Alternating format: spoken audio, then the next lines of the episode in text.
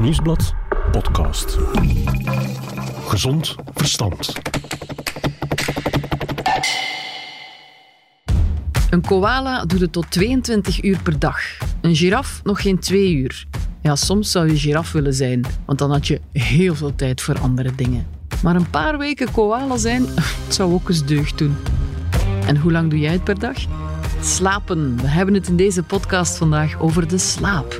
Ik ben Nathalie Delporte en ik hoop dat deze podcast voor jou niet slaapverwekkend wordt. Welkom bij Gezond Verstand.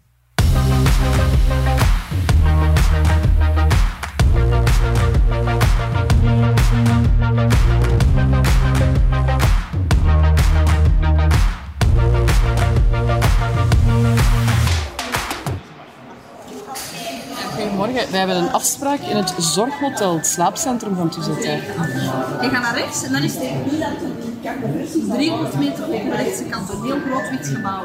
Oké. Gaan we dat vinden, hè? Dankjewel.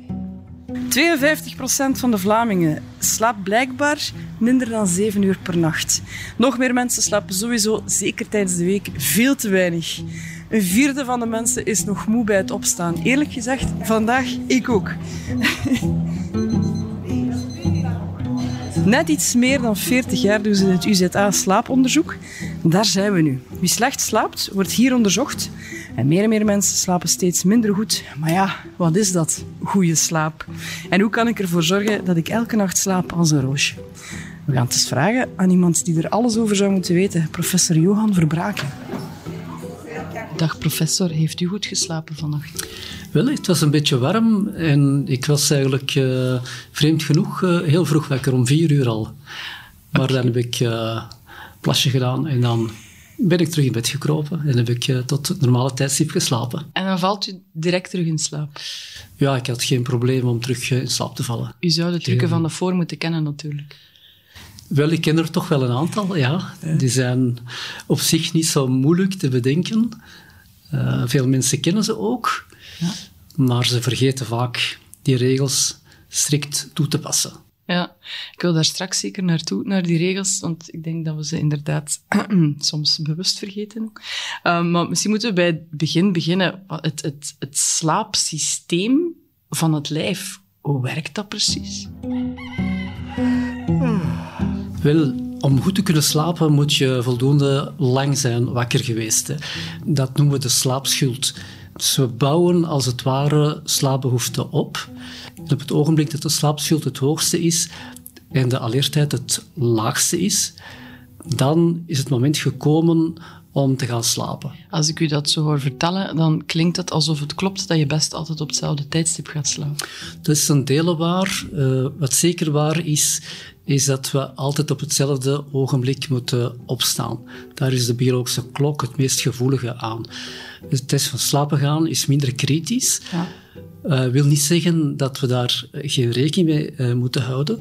Een zekere regelmaat is zeker nuttig, maar het is niet dat we klokvast op, altijd op hetzelfde ogenblik uh, moeten gaan slapen. Maar ik moet dan in het weekend ook om zes uur opstaan als in de week?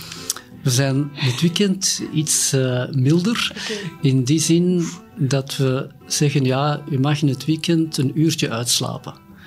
Ja. maar toch niet veel langer dan een uur. Twee uur is eigenlijk echt wel de limiet. En dat is toch niet echt ideaal. Zeker als u al geen optimale slaap hebt, dan kan u dat beter vermijden. Want uitslapen wil ook zeggen dat u langer in bed doorbrengt en dat uw dag korter wordt. En dat u met andere woorden minder slaapschuld opbouwt. Mm -hmm. En dat u met andere woorden s'avonds minder slaapbehoefte gaat hebben. Dat zijn communicerende vaten. Wanneer kan je zeggen dat iemand goed slaapt? Dat is natuurlijk voor iedereen wat verschillend, maar in principe komt het erop neer dat je mag zeggen dat je goed geslapen hebt wanneer je s'morgens goed uitgerust wakker wordt op een normaal tijdstip. En bij voorkeur ook zonder dat je een wekker nodig hebt gehad. Oh, dat ken ik niet veel mensen, denk ik, die zonder Maar in de praktijk zitten veel mensen wekker omdat ja. ze toch uh, wij minder slapen, zeker op weekdagen, dan dat ze werkelijk nodig hebben. Um, dat is op zich nog niet pathologisch natuurlijk. Hè. Uh, maar als je nog uh, echt een zombiegevoel hebt uh, bij het ontwaken en je staat wel op omdat het moet, hè, je hebt je verplichtingen mm. en er is toch een zekere drive, hè, dan sta je wel op. Maar dan, ja, dan is dat toch een, een aanwijzing dat er iets mis is of dat je toch niet voldoende lang en voldoende kwalitatief hm. hebt geslapen. Drinkt u koffie? Ik drink toch wel koffie, ja. Hoeveel? Dat begint met één kopje bij het ontbijt. Ja. En dan nog eentje om tien uur. En soms toch nog eentje in de vroege namiddag. maar niet altijd. En is dat maximum dat, dat ook mag? Dat Wel, uh, we zeggen eigenlijk... Uh, uh, als we strikt uh, volgens het boekje zijn, uh, maximaal twee kopjes koffie bij het ontbijt. Mm. en waarom is dat? Omdat koffie een, half, een, een lang half leven heeft. En dus na zes uur heb je nog altijd de helft van die uh, concentratie van de ochtend. En dus dat gaat zo uh, verder. Dus als je meerdere kopjes koffie drinkt, ook nog later op de dag, dan zit dat s'nachts nog in je bloed. En je hebt daar toch, bewust of onbewust, daar de nadelen van. Hè? Bij mij helpt het om, om gewoon s'avonds uh, later te blijven werken. Ja, maar ja, maar ja. Maar, nee, dat is niet helemaal volgens het boekje, dat geef ik grif toe. Uh. Um, slaapmiddelen om beter te slapen, is dat volgens het boekje? Absoluut niet, want slaapmiddelen leiden misschien wel tot de perceptie om beter te slapen, maar leiden tot een oppervlakkige, artificiële slaap met uh, weinig of geen diepe slaap, ook de remslaap, de droomslaap opnieuw, wordt uh, onderdrukt, uh, waardoor je eigenlijk een, een, een, zeer oppervlakkige slaap hebt die weinig herstellend is. En bovendien werken die slaapmiddelen vaak na. En dat maakt dat die middelen ook tegen de ochtend aan nog in het uh, lichaam zijn. En, uh, en ook dus overdag nog kunnen uh, werkzaam zijn. Wat dan kan interfereren met het bestuur van een voertuig mhm. of met allerlei mentale activiteiten. ook als je railwerk doet natuurlijk, moet je concentreren. Ja, dan, dan moet dat brein natuurlijk fris zijn. En, en als je ja, natuurlijk slaapmiddel hebt genomen, dan kan het eens zijn dat als, als een zombie eigenlijk voor je computer zit. En dat is natuurlijk ook niet uh, bevorderlijk uh, voor een goede output. De vraag van vandaag. Hoe vermijd je slaapproblemen? Waarom valt de ene elke avond na één minuut al zo'n blok in slaap? En ligt een ander uren te woelen en te draaien? En wat kunnen we eraan doen? In principe komt het erop neer de regels van de goede slaaphygiëne hanteren. En die zijn? En dat is natuurlijk de regelmaat, waar we het al over hebben gehad. Het koffiegebruik beperken, uh, geen alcoholgebruik in de avonduren. Want alcohol is een goed inslaapmiddel, maar een zeer slecht doorslaapmiddel. Ja. Uh, voldoende actief zijn overdag, hè, zorgen dat de dag voldoende lang duurt. Hè. Uh, buiten komen, gebruik maken van het, het natuurlijke zonlicht want dat zorgt ervoor dat we meer wakker worden, dat we ja, beter gaan functioneren. Bovendien gaat eh, de biologische klok daardoor ook beter functioneren. We gaan dan s'avonds uh, makkelijker in slaap geraken en ook vroeger eh, naar bed gaan. Hm. Verder de dag afbouwen dus zeker uh, als we. Zeker. En dan de schermen vermijden. dus niet te lang uh, televisie kijken, maar ook uh, computerschermen vermijden. Want wat, wat doet dat exact, internet. licht van het scherm? Ja, het licht van het scherm bestaat voor een groot deel uit blauw licht. Mm. En blauw licht, al uh, daarnet ook gezegd, hè, zit in het zonlicht. En dan hebben we het wel nodig overdag, maar s'avonds kunnen we blauw licht uh, absoluut uh, missen, want dat is uh, een, een, een, golflengte die dus zeer hoog energetisch is hè, en dus ons absoluut wakker houdt. En ook het melatonine, de aanmaak van het melatonine, onderdrukt in de pijnappelklier. En als die aanmaak wordt eh, onderdrukt, dan gaan we onze slaap uitstellen. Hm. Want dat melatonine is een belangrijke regulator van het slaapwaakritme, bereidt ons brein voor om in de moed te komen hè, om te gaan slapen. In plaats van onze gsm's leggen we beter een schriftje langs ons bed, zegt de professor, om de dingen letterlijk van ons af te schrijven adviseer ik om, om te doen door een, een, eh, een dagboekje bij te houden, waarin je al je problemen en uh, ervaringen en frustraties ook van uh, de voorbije dag opschrijft, zodanig dat dat niet meer in die molen moet malen. Je kan afstand nemen van de problemen. Je kan het niet vergeten, want het staat opgeschreven. En de dag erop kan je die dingen gewoon terug oppikken. Hè. En dat helpt om je af te sluiten van de wereld. Want de slaap hè, is bedoeld voor jou alleen. Hè. Je moet je eigenlijk overgeven aan hè, de slaapwereld of aan, aan de god van de, de slaap, hè, de godin. Uh, Somnus en, en Morpheus. Het zijn er twee eigenlijk. Hè. De Griekse en de Romeinse god. Die komen s'nachts rondwalen. Dat zou kunnen, ja. Ja, we moeten van die gsm-verslaving af. Zeker s'avonds. We weten het. En toch is het zoiets hardnekkigs. We weten ook wel wat werkt, maar we doen het zo weinig. Daarom kan de herinnering geen kwaad. Meditatie, geloof je in het effect daarvan? Uh, toch wel. Hè. Dus je kan je uh, bij voorkeur 45 minuten voor slapen gaan geen intensieve zaken meer doen, zodat het brein kan ontspannen. Hè. Maar je kan natuurlijk ook actieve ontspanningsoefeningen doen. En uh, daar zijn verschillende technieken voor. Hè. Hartcoherentietraining is iets dat tegenwoordig heel sterk wordt uh, benadrukt. Je hebt uh, ook progressieve spierrelaxatie, waarin je verschillende spiergroepen één voor één opspant en ontspant. En dat leidt tot een ontspannen gevoel. Je kan uh, visualisatietechnieken hanteren, waaruit dat in dat je um, ja, ontspannende beelden oproept. Hè. Een berglandschap, een, een watervalletje, uh, een landschap met een meer, uh, vakantiebeelden waar je vrolijk van wordt, dat soort zaken. allemaal dingen die, die kunnen helpen. Hè. Ook yoga-oefeningen natuurlijk zijn zeker nuttig hè, om toch het brein tot rust te brengen. Het effect van sporten op slaap, want dat zal wel goed zijn. Ja, dat leidt tot meer diepe slaap. Maar uh, als je te laat sport, hè, dan uh, blijft je bloeddruk te lang te hoog, je hartritme te lang te snel, uh, waardoor je moeilijker in slaap geraakt. Hè. Om dat probleem te voorkomen, moet je minstens twee à drie uur voor het slapen gaan geen sporten meer doen.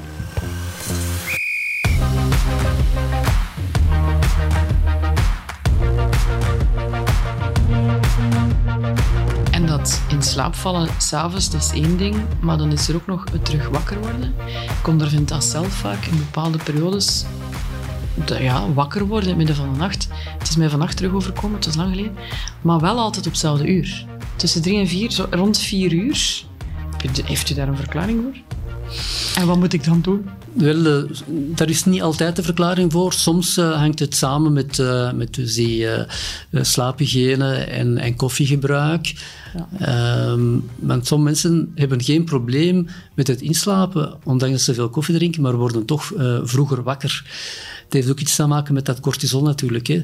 Dus dat stresshormoon dat uh, begint uh, aangemaakt te worden door de bijnieren. Mm -hmm. En dat uh, ja, bereikt tegen de ochtend een piekwaarde. Als je heel veel stress hebt, dan gaat die piekwaarde al vroeger worden bereikt. En dat kan al heel vroeg zijn, om vier uur bijvoorbeeld. Dus dat is een intrinsiek ontwaaksysteem maar het is niet altijd zo duidelijk. Ik heb ook uh, patiënten die me zeggen, ik word altijd op dat tijdstip wakker mm -hmm. hè, en toch doe ik alles hè, om, om goed te slapen. En ik heb een gezond leven, ik heb geen problemen en toch word ik op hetzelfde tijdstip uh, uh, te vroeg wakker. Um, ik kan daar op zich niet zoveel tegen doen. Het enige dat je kan doen is dan minder tijd in bed doorbrengen, zodanig dat je de slaap beter doorgaat, dat die echt wordt gecomprimeerd. En hoe doen we dat? Door later te gaan slapen. En de, de slaap uh, wordt korter, maar de dag wordt langer. Mm -hmm. En je bouwt meer slaapschuld op. En daardoor ga je ook meer slaapbehoeften opbouwen. Hè. En dat zijn opnieuw communicerende vaten. Hè.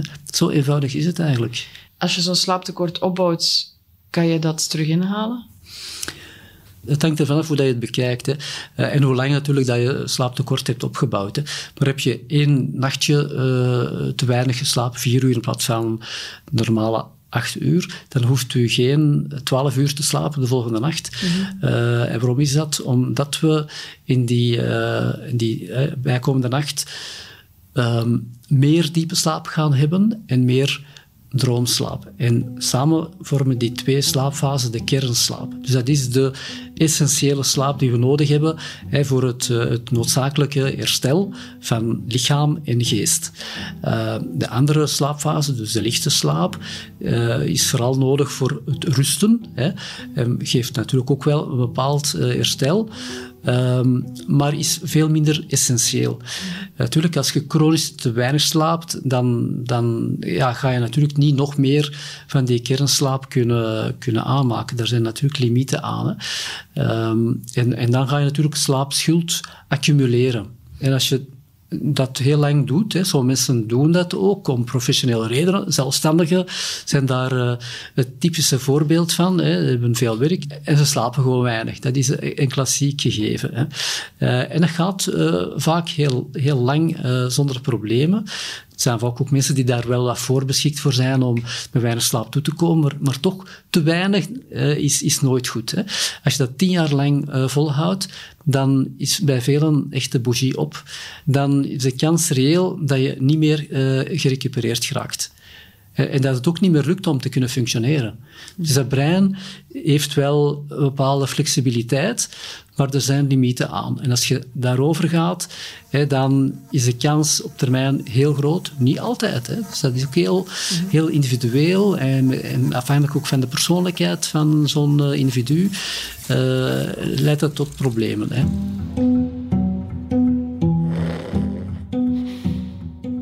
Dus, als we een snurkgeluidsbedje nodig hebben, dan kunnen we het zeker in het slaapcentrum vinden.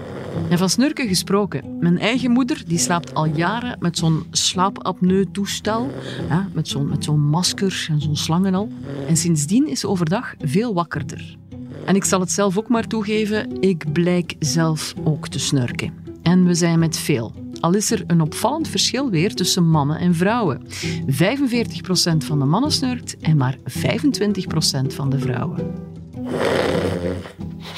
Inderdaad, verschillen. Ja, de mannen komen van Mars en de vrouwen van Venus, ja. zoiets.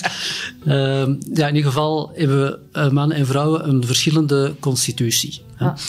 Lichaamsbouw is uh, verschillend. Um, om te beginnen, de structuur van de keel.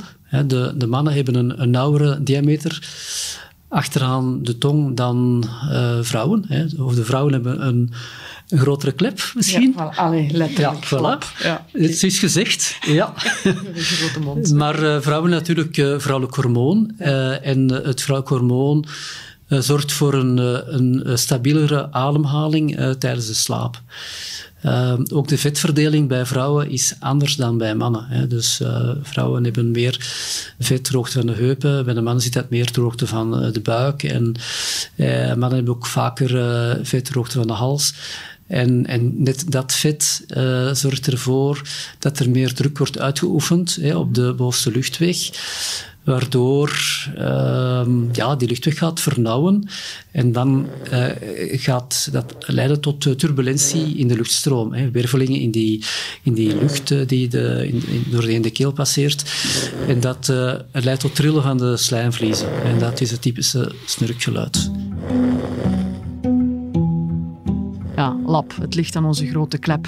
En wat ook hier weer opduikt en opvallend is, er is een verband tussen snurken en de menopauze. Bij vrouwen zien we na de menopauze, of vanaf de menopauze, een inhaalmanoeuvre. Aha, ik wou net vragen, want omdat u het hormoon noemt daarnet. Ja. Dus oké, okay, dan beginnen ze te... Dus dan, uh, wat we zien bij de vrouwen is dat zij zwaarder worden hè, vanaf de menopauze. En het is net de obesitas of de gewichtsfactor hè, die uh, extreem belangrijk is hè, bij het ontwikkelen van snurken en eventueel ook uh, slaapapneu. Dat is dan een, natuurlijk een al een meer gevorderd uh, probleem. Ja. En, en dat is heel frappant. En bij vrouwen zien we een, echt een inhaalmanoeuvre hè, vanaf de menopauze. Nog wakker? Goed zo, want het is tijd om een aantal feiten en fabels te checken. Wat geloven we allemaal over slaap, maar klopt niet? En wat kunnen we maar beter wel geloven? De feiten en fabels. Je slaapt beter als je s'avonds een banaan eet. Wel, in bananen zit tryptofaan. En tryptofaan is een bouwsteen, een precursor van melatonine. Uh -huh. En als je dus uh, veel bananen zou eten, dan uh, zou je dus met andere woorden meer melatonine aanmaken. Hè. Uh, dat is het, het, het fabeltje of de volkswijsheid uiteindelijk. Maar ja, dan moet je wel heel veel bananen eten. Ja. Vat ook veel suikers en zo. Dan ga je er net uh, misschien te wakker van worden. Dus ja, Eh, het is een tweesnijdend zwaard, denk ik. En, en niemand uh, gaat natuurlijk een kilo bananen eten voor het slapen gaan.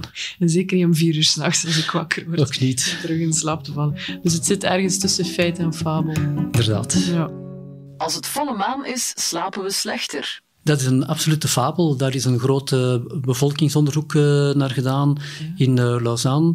Daarbij uh, wordt een grote groep ehm, uh, Zwitsers hè, gedurende ja, een bepaalde duur eigenlijk opgevolgd ten aanzien van de slaap. Ze hebben ook allemaal een slaaponderzoek uh, gehad, verspreid over het jaar. Ze konden niet allemaal komen slapen of dat slaaponderzoek uh, krijgen.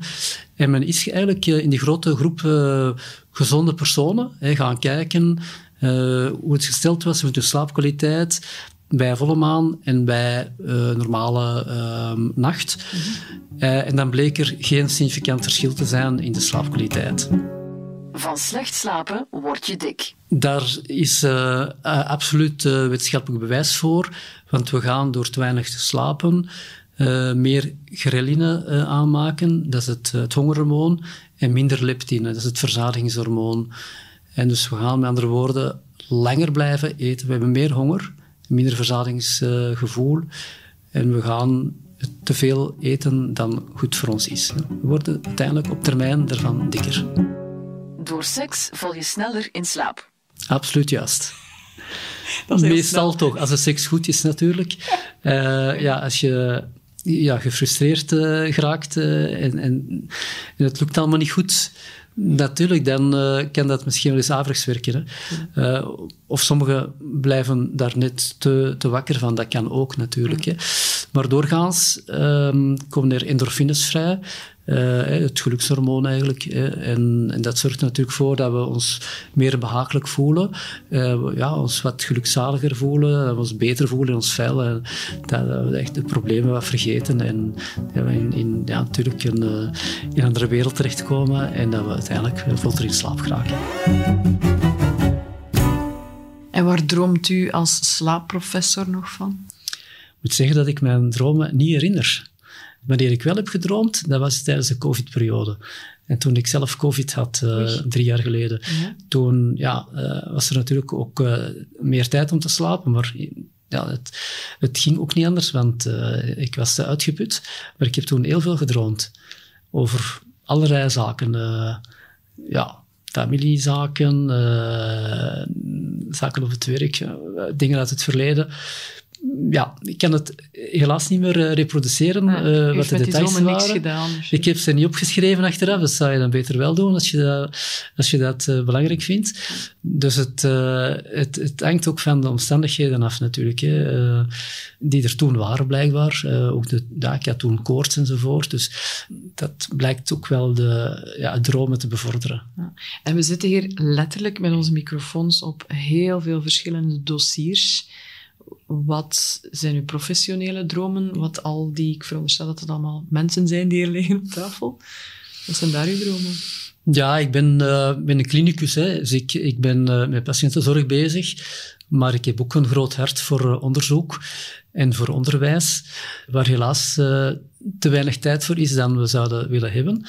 Dus dat is een diep verlangen om meer, sla meer slapen, maar ook meer tijd liever te hebben om aan onderzoek uh, te wijden.